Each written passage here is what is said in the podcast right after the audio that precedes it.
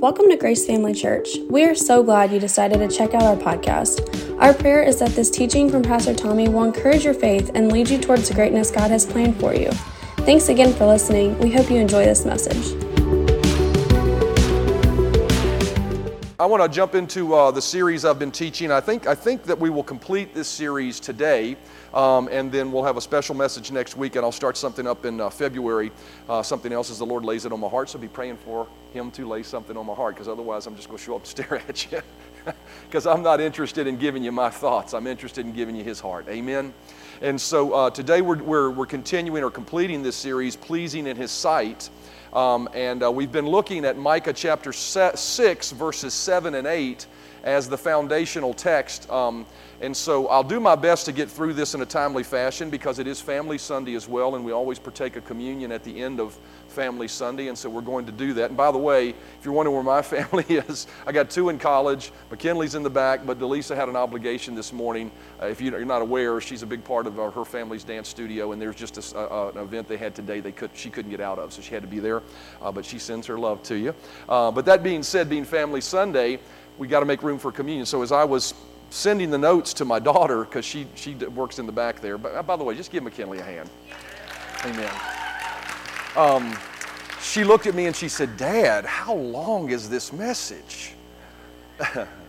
so I thought, well, it might be longer than I thought, you know, and nobody wants to listen to a long winded preacher. So I'll do my best to get through this, and if there's parts I need to leave out, I will. But I would just encourage you. I really felt led that some of these things I needed to share. So just stay connected, keep your heart open, and I won't keep you too long. But uh, Micah chapter 6, verse 7 and 8 is our foundational text, and it says this It says, Will the Lord be pleased with thousands of rams, ten thousands? 10,000 rivers of oil. Shall I give my firstborn for my transgression, the fruit of my body for the sin of my soul? He has shown you, O man, what is good. And what does the Lord require of you but to do justly, to love mercy, and to walk humbly with your God. Let's pray before we start. Father, thank you so much for your word. Thank you for the truth that we find in your word. It is the truth source for our life, it is the way we should live our life, and it is the map or guidebook to true fulfillment in life and satisfaction and a guarantee of a great life in the life that is to come. And so we give you praise and thanks, Father, for, uh, for just your Holy Spirit resting upon me, helping me minister your word as, uh, as, uh, as each person here opens their heart and listens attentively to hear what your Spirit has to say. I just give you praise and thanks for that. And the end of it all, we'll always point to you and thank you that you deserve all the praise and the glory for anything good that comes from this. We give you praise and thanks in Jesus' name. Amen.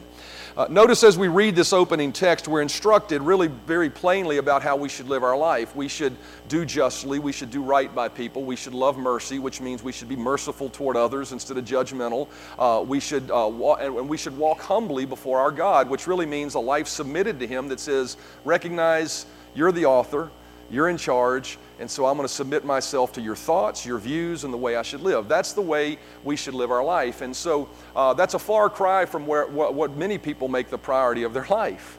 Many people make the priority of their life personal satisfaction, personal gratification, big goals, big dreams, all those things. And, and you know, God promises us those things. So I'm not minimizing that by saying that we should not at all desire that and believe God for those things. But the priority of our life should be Lord, I just want to live my life treating people right, loving others, and actually just honoring you with my life. That's the goal, that's the direction, that's the heartbeat of our church, that's the, that should be the heartbeat of every person here.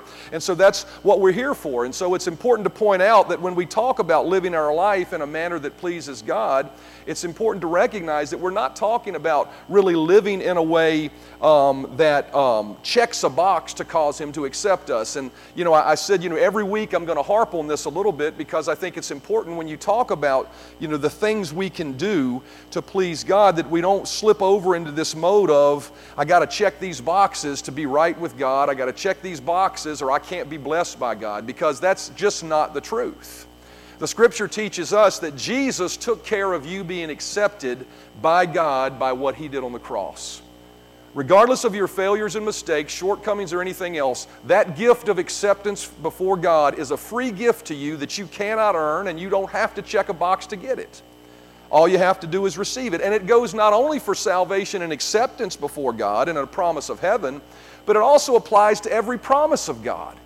Everything God has promised in His Word, and He's promised a lot.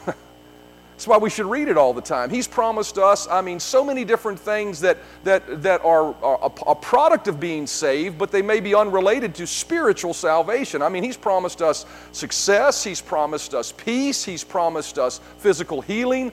All of those things are freely yours this morning. You don't have to do anything to earn them from God. Not a thing. And we see that in Ephesians chapter 1 and verse 3 and 7. It says, Every spiritual blessing in the heavenly realm has already been lavished upon us, actually, all because God sees us wrapped in Christ. That's the Passion translation of it.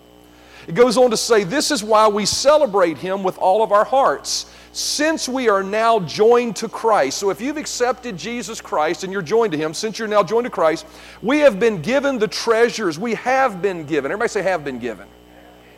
That's a past tense phrase. You know, a lot of people come to God looking for Him to give them something when they need something, but what the Scripture says is He's already given it to you spiritually. It's already released from His hand. And so it says, You have been given the treasures of redemption by His blood, the, the total cancellation of our sins, all because of the cascading riches of His grace. And so every spiritual blessing, you know, do you realize that even being healed physically is a spiritual blessing? It starts spiritually and it's received by faith and it becomes a manifestation physically. And, it's that way with anything in our life. And so the reality is, is that everything that God has promised us is a spiritual blessing. And every one of those have been given to us because of Jesus, because we are wrapped in what He did for us. Amen? And so that's good news. And Romans 8.32 says, in verse 8.32 it says, He who did not spare his own son, but delivered him for us all, how shall he not with him also freely give us all things? Everybody say freely. So, everything you need this morning, every blessing of God that's been promised to you, you don't have to storm the gates of heaven and beg God to give it to you. You need to understand that every blessing is already out there. All you have to do is receive it by faith. Believe it's yours before you see the manifestation of it. Speak like it's yours before you see the manifestation of it. Declare that it's yours before you see the manifestation of it because He said He's already given it to you. And that faith will bring about a change in natural circumstances sooner or later. Maybe this week, maybe next week, maybe two years, but if you'll stick with it, then the blessing of God will be yours. Amen? And so when we talk about a life that is pleasing to God, I just, I just stress that because we're not talking about doing things to earn something from God. He loves you just like you are. You know, even your flaws and mistakes, He still loves you.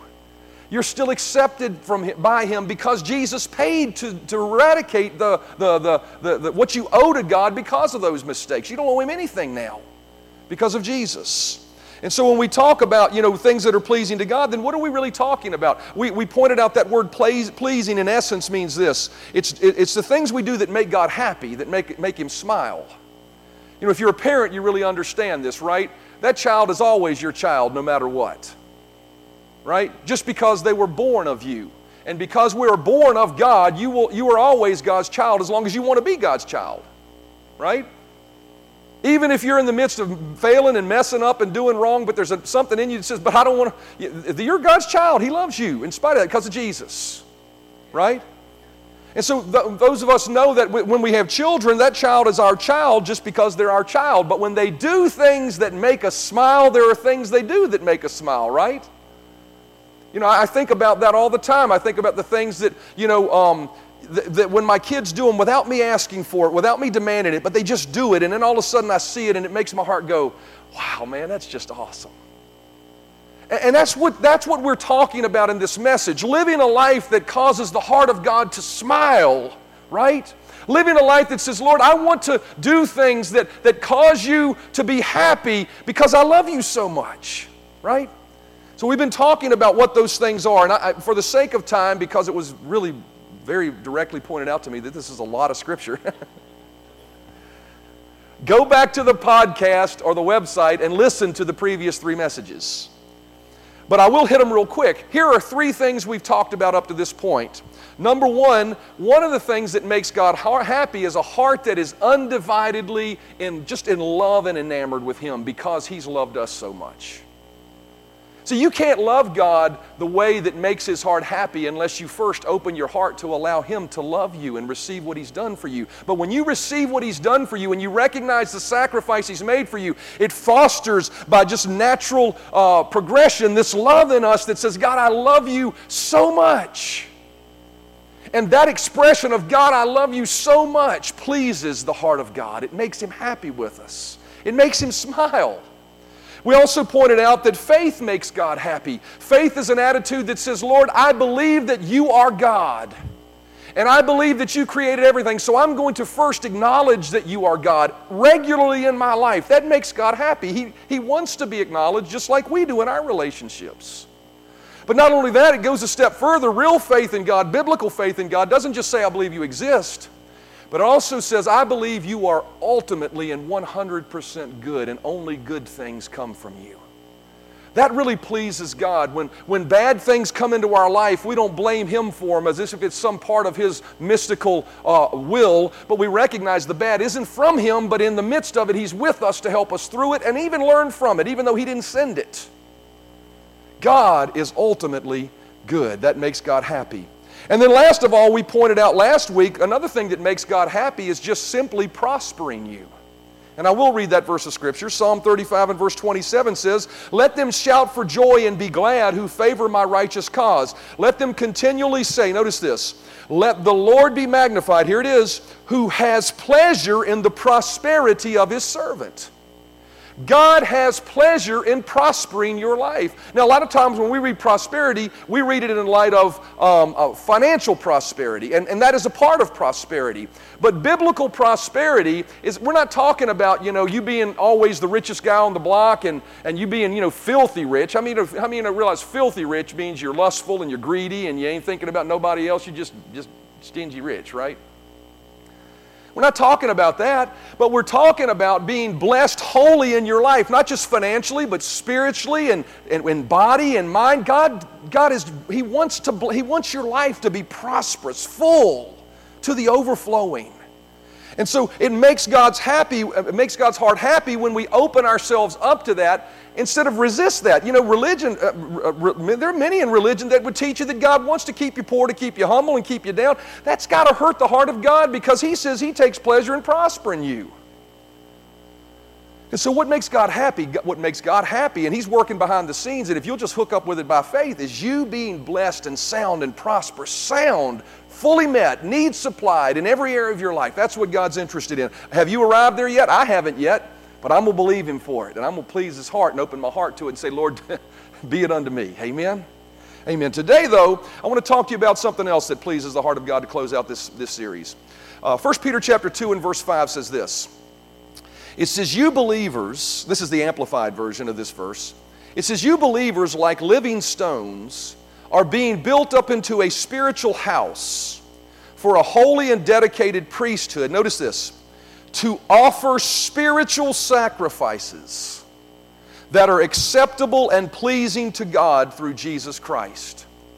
And so to notice here in 1 Peter chapter 2 and verse 5, there are sacrifices, spiritual sacrifices that we can make that are pleasing to the heart of God. There are things that we can do. I mean, think about this for a minute. You know, I think about, you know, um, at the time when my children were really small and I would give them candy, right? And, and, the candy was theirs, the whole pack of candy was theirs. But when they made a choice to take a piece of, a pieces of that candy and by their own will and own choice take away from themselves and give it to someone else or to bless someone else, for me as a dad, it made my heart happy to see that, right? There are spiritual sacrifices. There are things that we can take of from ourselves to be a blessing to others that make the heart of God happy. And these spiritual sacrifices, I will tell you, when they're given in the right light with the right heart, are the true signs of Christian maturity. They're the true signs of somebody that has embraced the whole uh, relationship with God and understand that their relationship with God is not just about them and getting their problems solved, but it's about them being equipped so that they can be a blessing to others. And so I want to talk to you about some of those spiritual sacrifices. It's a plural word. What are some of those spiritual sacrifices that we can make to God that are pleasing to Him, that make Him smile? But in doing so, first I want to eliminate some of the things that many have said are spiritual sacrifices. Because you got many people accepting things they think is a spiritual sacrifice that actually don't make God happy. He's sad that they're holding on to it. So I want to talk to you about a few things, first of all, that are not spiritual sacrifices. Number one, any sacrifice that is given to try to earn or extract something from God is not one that makes God's heart smile, and it's not one that causes Him to go, Man, I'm really glad you gave that. It actually makes His heart not angry with you, but sad that you think that He's requiring that of you. See, Micah chapter 6 and verse 7, our opening text, really illustrates that very well. It says, Will the Lord be pleased with thousands of rams and ten thousands of rivers of oil? Shall I give my firstborn for my transgression, the fruit of the, my body for my sin? That, that, that verse actually is a rhetorical question, and the obvious answer to it is no. God is not pleased with these kind of sacrifices to, to, to bring something to God to earn something from Him to bring something to God to extract something from Him. God is not pleased with a sacrifice given with the intent to meet some pre uh, uh, conceived requirement of Him. Because once again, we've said it already God requires nothing of you to bless you other than just to believe that He's that good and receive it. it's just that simple. When we come to God with an offering to try to earn His love, His response is this Why are you doing that? I already love you. I've already blessed you. I'm not requiring this of you. Psalm 51 and verse 16 says, You do not desire sacrifice. This is the heart of David, who was a man after God's heart, who understood God. And he said, You do not re- desire sacrifice, or else I would give it. You do not delight in burnt offerings, for the source of your pleasure is not in my performance of sacrifices uh, that I might offer you. So, you know, that verse would seem to contradict with, you know, the fact that there are some sacrifices we're not. He says he's not pleased with sacrifices. The type of sacrifice he's not pleased with is what he's talking about here. The one that's given to think that we have to meet it or check a box of requirement for it. And so God has, doesn't desire for us to uh, live in that place where we feel like we have to sacrifice. We need to actually resist. I will tell you this you almost need to be sort of dug in about this. When you start feeling like, I got to do this, you ought to just say, No, I ain't going to do it then. Because God doesn't, now I'm not talking about, you know, reframing your, prior, you know, understanding, okay, I'm going to do it because it's the right thing to do and we're supposed to love people. That's different, right? But if you're doing it because you think, I got to do it or God ain't going to love me, you better change your thinking, right? You need to resist that. That's why Paul said, don't become entangled again with the, don't become entangled with the works of the law again. And so we need to recognize that sacrifices that are pleasing to God, you know, uh, even things that look like they'd be the right thing to do, if it's the right thing to do, but your motive is you're trying to check a box, white noise to God. Doesn't cause him to smile. We see it in 1 Corinthians chapter 13. It's as though I speak with the tongues of men and angels, but I have not love. I am become a sounding brass and a clanging cymbal. So he says that a heart, uh, uh, uh, something that's given with a motive of not I love you and I just care about you, but I'm giving it because I gotta, I gotta check a box. I'm afraid you don't like me unless I do this. That's just clang, clang, clang, clang, clang, clang, clang, clang to God. Verse 2 And though I have the gift of prophecy and understand all mysteries and all knowledge, though I have all faith so that I can move mountains, but have not love, I'm nothing. And though I bestow, notice this, and though I, and though I bestow my goods to feed the poor, and though I give my body to be burned, and I, but I have not love, it profits me nothing. He says, you know, you can even give to people. You can even give to the church. Right? We stand up here and take up an offering every week. If you're giving because you think it's an obligation and something you got to do, it, it, it's not a pleasing sacrifice to God. The reason we give, the reason we sacrifice, the reason we do those things is simply because we love Him and we love others and we want to be a blessing to them. That is what we're talking about this morning. Those are the kind of spiritual sacrifices, and we'll get to that in just a moment. What's another sacrifice that, that many might think is acceptable, but God is not pleased with it? I've said this before in many messages, but I don't know if I've really hammered it down as a, a central point of a, of, a, of a message. But here's another sacrifice that is not something that God expects you to carry. I put it this way what Jesus bore on Calvary or on his cross is not a sacrifice that God desires for you to carry on your cross. What do I mean by that? Well, let's take a look at it. Isaiah chapter 53 and verse 4 through 5. It says, Surely he has borne our griefs and carried our sorrows. Yet we esteemed him stricken, smitten of God, and afflicted. But he was wounded for our transgressions, he was bruised for our iniquities. The chastisement of our peace was upon him, and by his stripes we were healed. This verse of Scripture shows us what Jesus carried on the cross of Calvary for us. Now, Jesus carried many crosses. There are other things we're going to talk about, right, that he did in his life and ministry. But at the cross of Calvary, he bore things on his cross for us. He took them so we don't have to have them. And included in that mix are, first of all, griefs. You know, some people think, well, you know, I just grief all the time. That's just my cross to bear. Grief is not your cross to bear. It may be a product of something you face in life, but if you've done wrong, it's not your cross to bear grief over your past transgressions and your sins. He took it for you, so you need to lay it down. Amen. Sorrow is something, right? You ever had regret over things, you know, or, or sorrowful over a current situation? Well, you know, just like, you know, it sounds like an old bluegrass song sometimes when people sing for the gospel, you know, just sorrowful and suffering through for Jesus. Sorrow is something he bore on his cross so that you don't have to carry it on yours your sin and iniquity, right? He bore on his cross. Well, you know, this I just struggle with this one thing, and I guess that's just my one thing that I've got to I got to really fight with. He didn't give you something to fight with the rest of your life. He came to set you free from it. That's not something you should bear on your cross. Here's another one. With his stripes we are healed. This is a big one.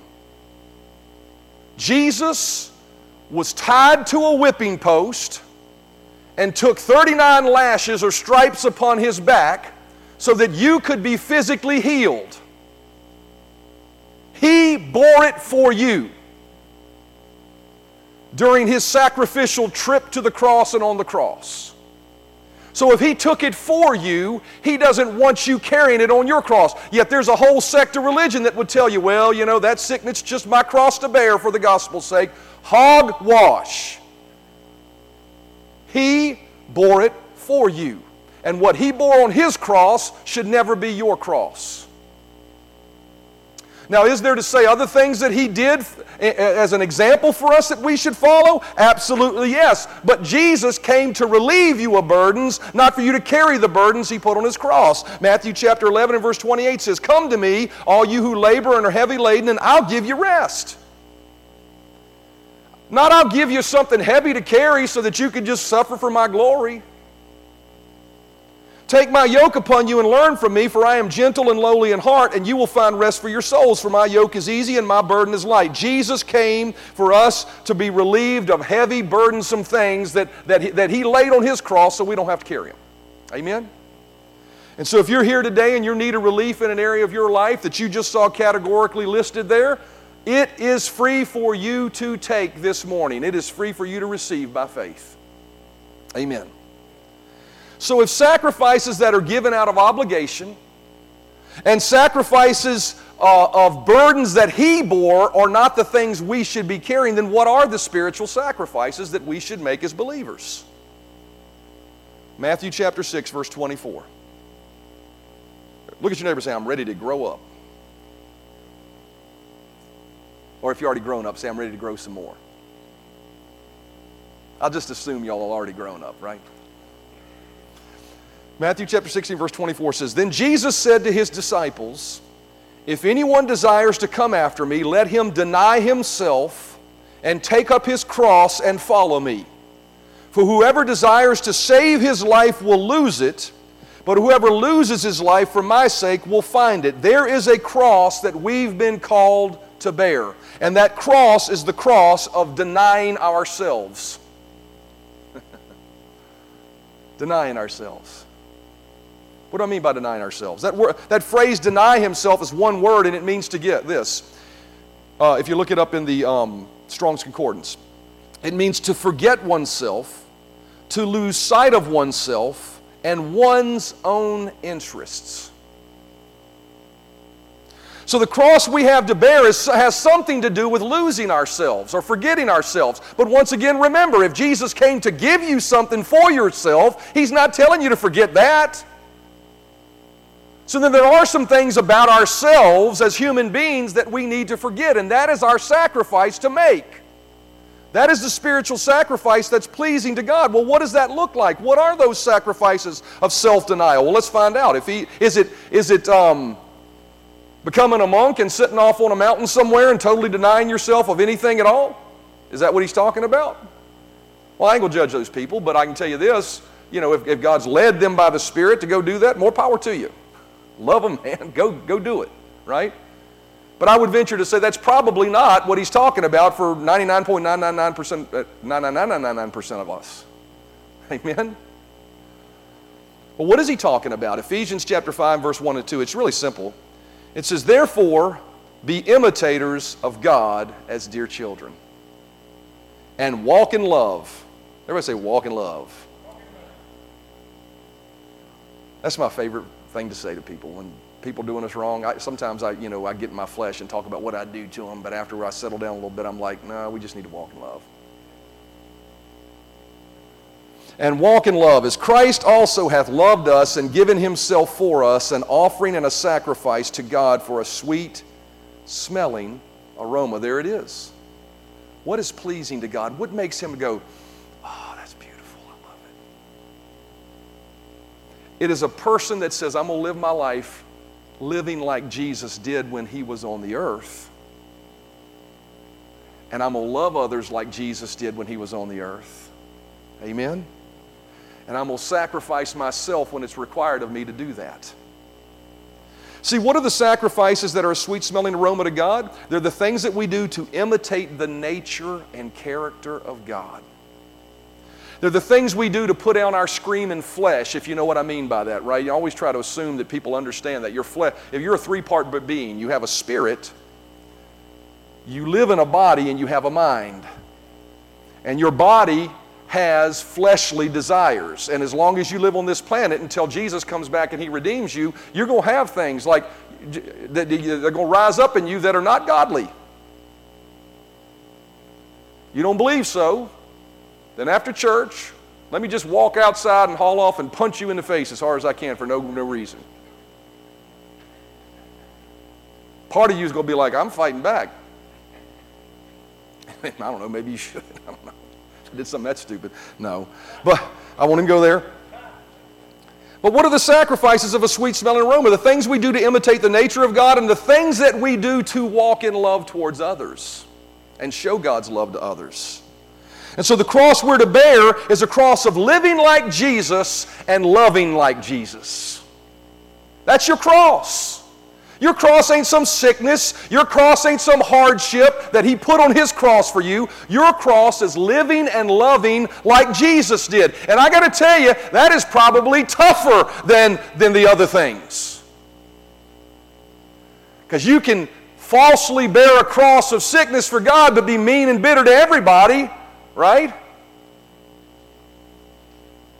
See what we've been called to do. And so what does that look like? 1 Corinthians chapter 13 verse 4 through 8. For those of you that are married, if you ever need marriage counseling, this is the first thing I'm going to prescribe to you.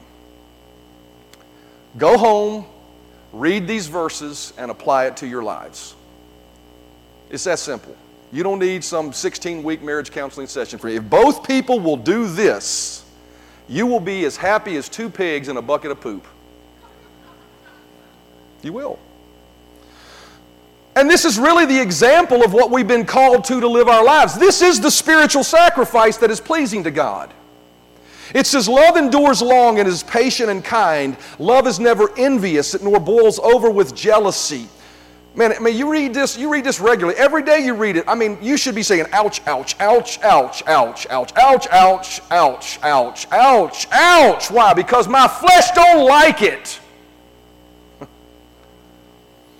It is not boastful or vainglorious. It does not display itself haughtily. It is not conceited, arrogant, or inflated with pride. It is not rude or unmannerly and does not act unbecomingly. Becomingly. Love, God's love in us, does not insist on its own rights. Woo! Or its own way. It is not self seeking. It is not touchy or fretful or resentful. It takes no account of the evil done to it. It pays no attention to a suffered wrong. Man, how could we apply that? But we want to sit around and talk about a suffered wrong. We want to talk, go and talk to our neighbor about a suffered wrong and replicate the offense. The Bible says it takes no account.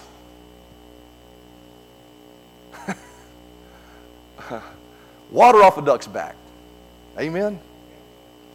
It does not rejoice at injustice and unrighteousness, but rejoices when right and truth prevail. Love bears up under anything and everything that comes, is ever ready to believe the best of every person. Its hopes are fadeless under all circumstances, and it endures everything without weakening. Love never fails, never fades out, or becomes obsolete, or comes to an end.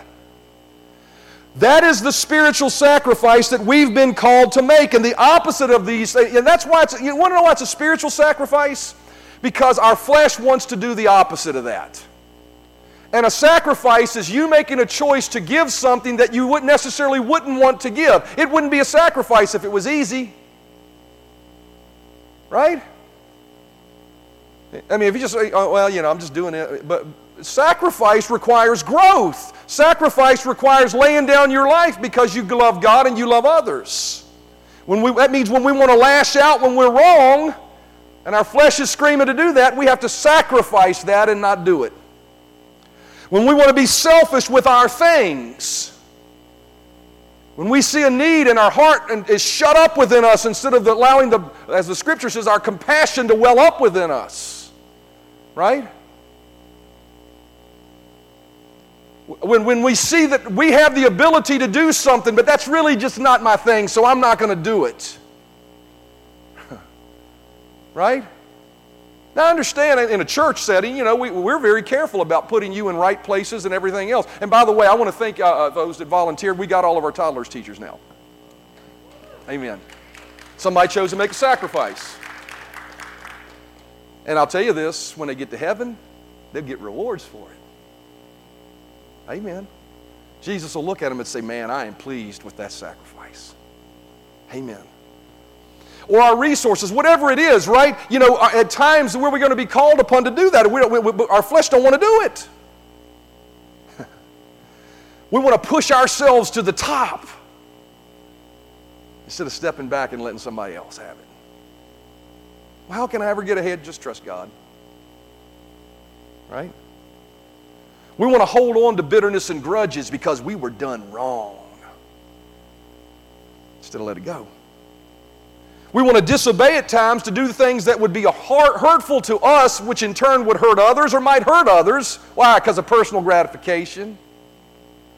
But we got to lay it on the cross, lay it down. That's, that's our cross to bear. And that's why walking in love and allowing God's nature to shine through us is considered a sacrifice because it requires us to lay something down. This is the example that Jesus left us. 1 Peter chapter 2, 2 and verse 21 says, For, for to this you were called because Christ also suffered for us, leaving us an example that we should follow in his steps. Right? Who committed no sin, nor deceit was, was no, nor was deceit found in his mouth, who, when he was reviled, did not revile in turn, whom when he suffered, he did not threaten, but committed himself to him who judges righteously, who himself bore our sins in his own body on the tree, that we haven't been dead to that we having died to sins might live for righteousness, by whose stripes you were healed. Here we see the example of Jesus. He made a choice to put himself second and others first. He walked in love to display the heart of God, and he also chose personal, here we go, discomfort for the sake of others. See, we preach a gospel here about prosperity. We preach a gospel here about completeness and wholeness, and God wants you prosperous and complete and whole. But I will tell you, as you grow in your Christian relationship, there are going to be times where God calls upon you, or, or really not even calls upon you, the nature of God wells up in you, and you see need. And there's going to be something in you, which is the nature of God, that says, I need to run to meet that need. And your flesh is going to say, Whoa, I don't want to do that. Amen. And we can't meet every need. I, you need to understand that. I'm not saying you need to run out and just meet every need. You need to be led by the Spirit of God, right? If it's pushing you, like if something behind you pushing you to do it, just run that off. Because remember again, God ain't asking you to do something because it's required of you. But growing up in spiritual sacrifice has to do with laying things down. You know, we're called to prosperity and our needs being met, but there's always going to be times when God will call upon us to pull from that prosperity and even possibly sacrifice of ourselves to meet someone else's need. We're called to success and comfort, but there are going to be times when we're called to forego our success and comfort to help another person. We're called to protection and safety, but there are going to be times for some that God calls them to put themselves in harm's way for the gospel's sake to reach another. That's why the Bible says that the blood of the martyrs, you know, are recognized before God. People that have actually laid down their life for the sake of the gospel. Some would say, well, I thought God promised. They made a willful choice to, to lay down their life for someone. And others say, I don't know if I could do that. Well, can you just forgive people? Maybe just start there. Right? So that's the spiritual sacrifices. And when we make these sacrifices, the musicians come. Just want to, I always call them about this time because I want you to know we're about ready to end. I'm not going to go on forever. But when we make these choices, we need to understand this. It makes God's heart happy. We haven't earned anything from God by doing it. Jesus already did that for us. We haven't checked a box but it makes his heart happy. Why does it make his heart happy? I'm going to give you two reasons why it makes his heart, heart happy. First one is very personal. When you make a choice to put other first, something really personal does happen in your life. God is happy when we do this because it releases us. This is so important from selfishly holding on to what we think will make us happy and selfishly striving for what we think we have to get ourselves, and we place our simple faith and trust in God to say, No, you'll take care of that because this person needs whatever it is I'm being called upon to give, whether it be forgiveness, whether it be resources, whether it be time, right? Notice the end of verse 23 of that, that text there. It says, Who, when he was reviled, did not revile in return, when he suffered, he did not threaten. Notice this, but committed himself to him who judges righteously. See, Jesus could make those choices because he understood something that in giving these things away, he wasn't giving them away forever. He was just putting the, the, the desire to keep those things in God's hands to provide it uh, after he's done what was necessary to reach people and help people. There's an element of I'm going to trust God in this right? That's why givers are so blessed because they, they're saying, you know what, I could use this for something else, but I'm just going to bless God. I'm just going to bless these people. I'm going to bless this church. I'm going to bless this ministry. I'm going to buy that person's growth. Uh, you could use it for something else, right? But there's an element of it that says, you know what, God will get it back to me. And what the scripture tells us is He'll get it back to you and then some. Proverbs 11 and verse 25 says, Those who live to bless others, will have blessings heaped upon them. And to one who pours out his life to pour out blessings will be saturated with favor. When we live our lives sacrificing of ourselves to be a blessing of others, and if I think about the vision of this church, meet friends, worship God, hear the word, it all culminates in this phrase to be a blessing. Why do I adamantly share the Word of God with you so strongly about how much God wants to bless you? Because I want God to bless you so much that it's easy for you to be a blessing. But I will tell you this sometimes being a blessing is not easy. And that is a spiritual sacrifice that we're required to give. And not required to give, but that makes God's heart smile. What's another reason God is happy when we make personal sacrifice? And this is probably more important the more important reason we should embrace it. The blessing part is great, but if you're just given for the blessing, then your motive is wrong. It's selfish. It's because when we make sacrifices to make God happy, it allows Him to work through us to reach others. Romans chapter 12 and verse 20 says, Therefore, if your enemy is hungry, feed him. If he is thirsty, give him a drink. For in so doing, you will heap coals of fire on his head. Now, you know, people will read that and see the best way to get back to somebody is walk in love. That's not what that verse is saying. That would not be the spirit in which the Bible is written. Well, I'm going to be nice to them because that'll really get them. That's not what that verse is saying. What that verse is, you know, heaping coals on, you know, if you look at uh, the old in Scripture, when people would heap ash and coal on themselves, it was because they were of a repentant heart. Their heart had been touched by God, and they recognized, I need to change. And what this verse says is, is when you choose to display the character and nature of Christ in whatever capacity is required of you in that moment of spiritual sacrifice, you open their eyes, whether they even receive it or not in that moment, but you open their eyes to the love and the nature and the character of God so that He can reach and touch others through you and your example. And that makes God's heart smile. Proverbs chapter 25 and verse 21 through 22 says it in the Passion Bible, and it really helps us understand the better meaning. That Romans 12 20 is a requote of Proverbs. Proverbs says this Is your enemy hungry? Buy him lunch. Win him over with your kindness. You see, you're not doing it to stick it to him. You're doing it to win him over, not to you, to Jesus. Your surprising generosity will awaken his conscience and God will reward you. His conscience gets awakened to wait a minute, that's different than how I am. It wakens him to the fact that he needs a nature change, that he needs a God in his life that's like that. And that act of reaching others, I can tell you this, makes God very happy. How many of you realize God loves you? I would ask you to embrace this as well, and you probably already do. God loves others also, even the worst, even the most vile, even the political platforms that seem to be everything against what we believe. That mean we shouldn't stand for truth and what is right? Absolutely, but we should definitely do it in love. We should definitely do it in a merciful, uh, uh, uh, forgiving manner. We should definitely do it in the spirit of the words that Jesus spoke when he hung on the cross and said, Father, forgive them, for they know not what they do. See, God is not happy with anyone perishing, even your enemy. Ezekiel 31 verse 11 says, Say to them, As I live, says the Lord, I have no pleasure in the death of the wicked, but that, but that the wicked turn his way to, from his ways and live. God loves everyone. Jesus died for everyone, and He's desperately trying to reach all of them.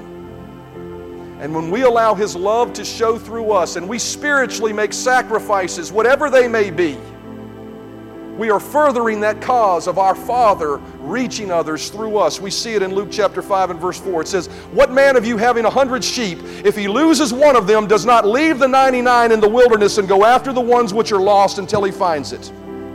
And when he has found it, he lays it on his shoulders, rejoicing. Everybody say rejoicing.